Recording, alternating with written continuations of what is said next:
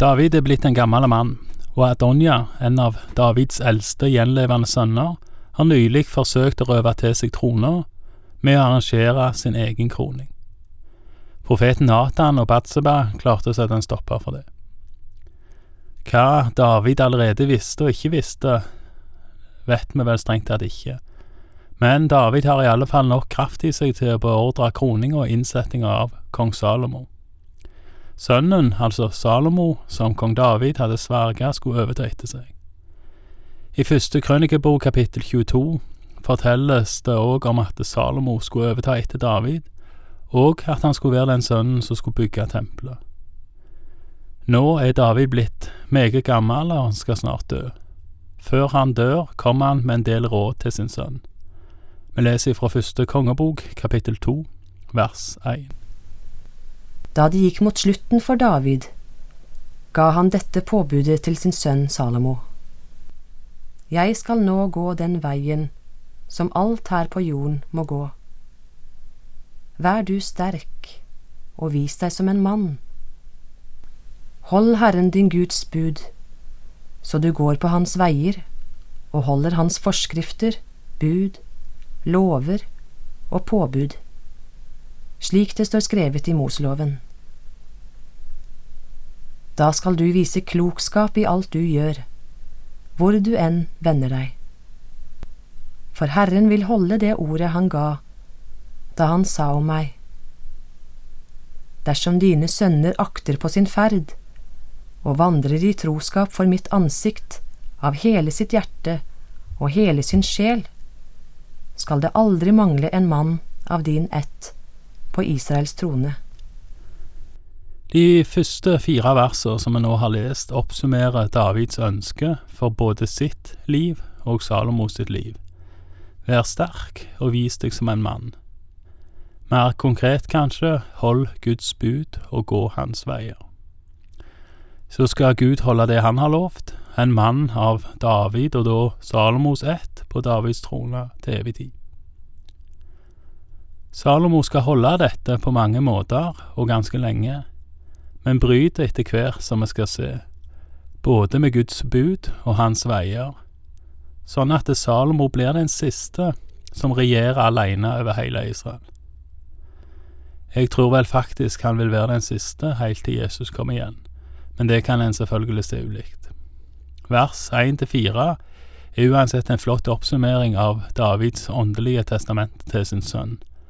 Hold Guds bud og gå hans veier, så skal trona være vår til evig tid. Vi leser videre fra vers 5. Du vet jo selv hva Joab, sønn av Seruia, gjorde mot meg og mot to av hærførerne i Israel, Abner, sønn av Ner, og Amasa, sønn av Jeter. Han drepte dem og lot krigsblod flyte i fredstid. Slik fikk han krigsblod på beltet han hadde om livet, og på skoene han hadde på føttene. Bruk nå din visdom. La ikke den gamle og gråhårede mannen gå ned til dødsriket i fred. Her gir vel kong David sin gamle general og hærfører dødsdommen. En dom som bygger på mordene på Abner og Amasa. Det kan være verdt å merke seg hvem disse to var. Abner var Sauls hærfører. Han hadde samme rolle hos Saul som Joab hadde hos David. Abner drepte Joabs bror, noe som ga Joab motiv nok, men kanskje var frykten for å bli forbigått like viktig. Det blir spekulasjoner, men med et slikt motiv så ligner drapet på Abner på drapet på Amasa. Amasa blei satt inn som hærfører istedenfor Joab, og jeg tror det var derfor Joab drepte ham, ikke fordi han venta for lenge med å komme, sånn som det blir beskrevet i Andre Samuels bok kapittel 9.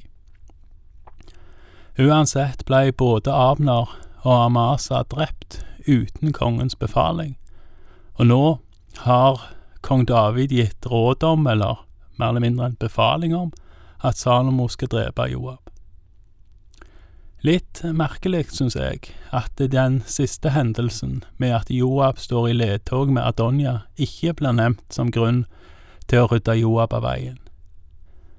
Det nevnes heller ikke at Joab drepte Absalon, Davids sønn, mot en direkte ordre fra kongen. Jeg tror at dette òg til slutt kom David for øre. Det som har med Davids sønner, nevnes med andre ord ikke men drapet på Joabs konkurrenter og fiender ser ut til å felle han. Vi leser videre fra vers sju. Men mot sønnene til Barsilai fra Gilead skal du vise godhet. La dem være blant dem som spiser ved ditt bord. For de tok vennlig imot meg da jeg flyktet for Absalom, din bror. Du har også hos deg Shimi, sønn av Gera fra Bahurim, av Benjamins stamme. Det var han som forbannet meg så stygt den dagen jeg var på vei til Mahanaim. Men siden kom han og møtte meg nede ved Jordan. Da sverget jeg for ham, ved Herren, at jeg ikke skulle la ham dø for sverd. Men du må ikke la ham slippe straff. Du er jo en klok mann, og vet nok hva du skal gjøre med ham. La ham gå ned til dødsriket med blod i sitt grå hår. Godhet mot David i nød blir belønna med Davids ønske om godhet fra Salomo. Men David trekker òg her vekk sin beskyttelse over Shimi. David har vel strengt tatt holdt sitt ord om at David ikke skulle la han dø for sverd, men legger vel nå ganske klare føringer for at Salomo skal ta seg av han. Vi leser videre fra vers 10. Så gikk David til hvile hos sine fedre og ble gravlagt i Davidsbyen. Den tiden David hadde vært konge over Israel, var 40 år. Sju år regjerte han i Hebron og 33 år i Jerusalem. Salomo satte seg på sin far Davids trone, og hans kongedømme var trygt grunnfestet. Første kongebok kapittel to vers ti beskriver kort og konsist at David dør og blir gravlagt. Mannen som i Første Samuels bok kapittel 13 vers 14 blir beskrevet som utvalgt som konge fordi han var etter Guds hjerte, han er nå død. Han regjerte i 40 år, som må regnes som ganske lenge. 33 av disse var han konge over begge rikene. Nå er David død, og Salomo er konge. Adonja er ikke død. Og nå går han for det som ser ut som et listig forsøk på statskupp. Vi leser videre fra vers 13.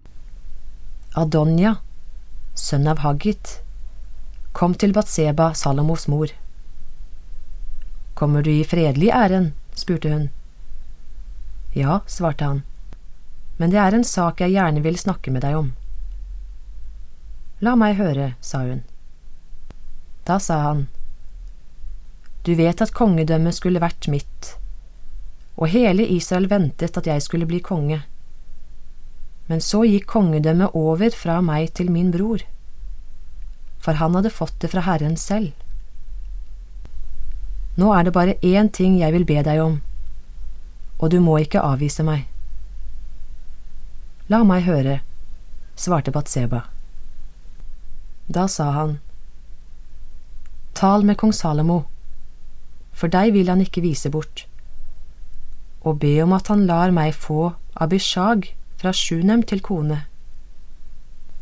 Batseba svarte, Ja vel, jeg skal tale med kongen om deg. Jeg finner det noe merkelig at uh, Batseba her går Adonjas ærend hun som var sammen med Natan om å hindre han i å bli konge i det hele tatt. Men hun gjør nå det, og hun går til kongen. Kanskje òg merkelig at, uh, at Donja her sjøl bekrefter at uh, kongedømmet blei overlatt til Salomo etter Guds vilje.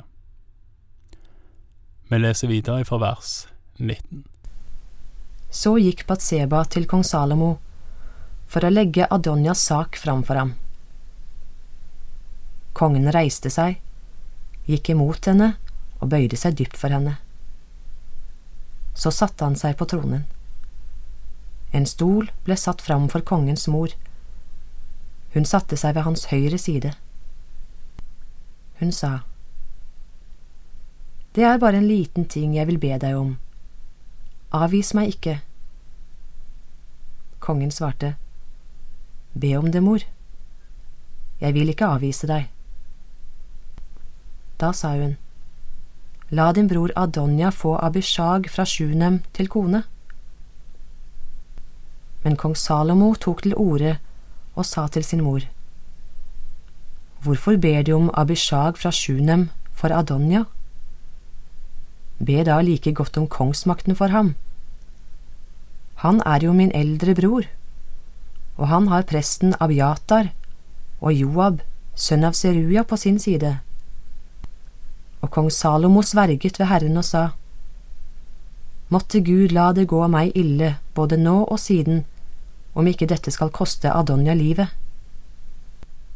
Og nå, så sant Herren lever, Han som har innsatt meg til konge og latt meg sitte på tronen etter David, min far, og som har grunnlagt en kongeætt for meg, slik han hadde lovet.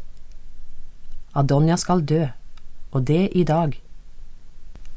Dermed sendte kong Salomo Benaya, sønn av Jojada, av sted. Han hogg ned Adonja, og slik døde han.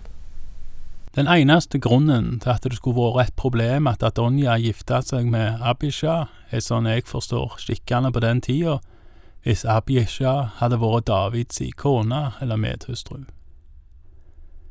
Jeg tror at den noe merkelige detaljen i kapittel 1 vers 4 om at David ikke hadde seksuell omgang med Abisha, står der for å vise at hun ikke var for ei medhustru å rekne, men faktisk bare pleide David sånn som planen var. Det virker det ikke som at verken Adonja eller Salomo ser ut til å vite eller eventuelt brydde seg om. Og nå finner Salomo Adonja skyldig å gjøre noe ondt, og da beordrer Salomo Adonja drept. Adonja blir benåda for det første angrepet på tronen. For dette andre blir han ikke benåda, det blir han drept for. Takk for i dag, og Herren være med deg.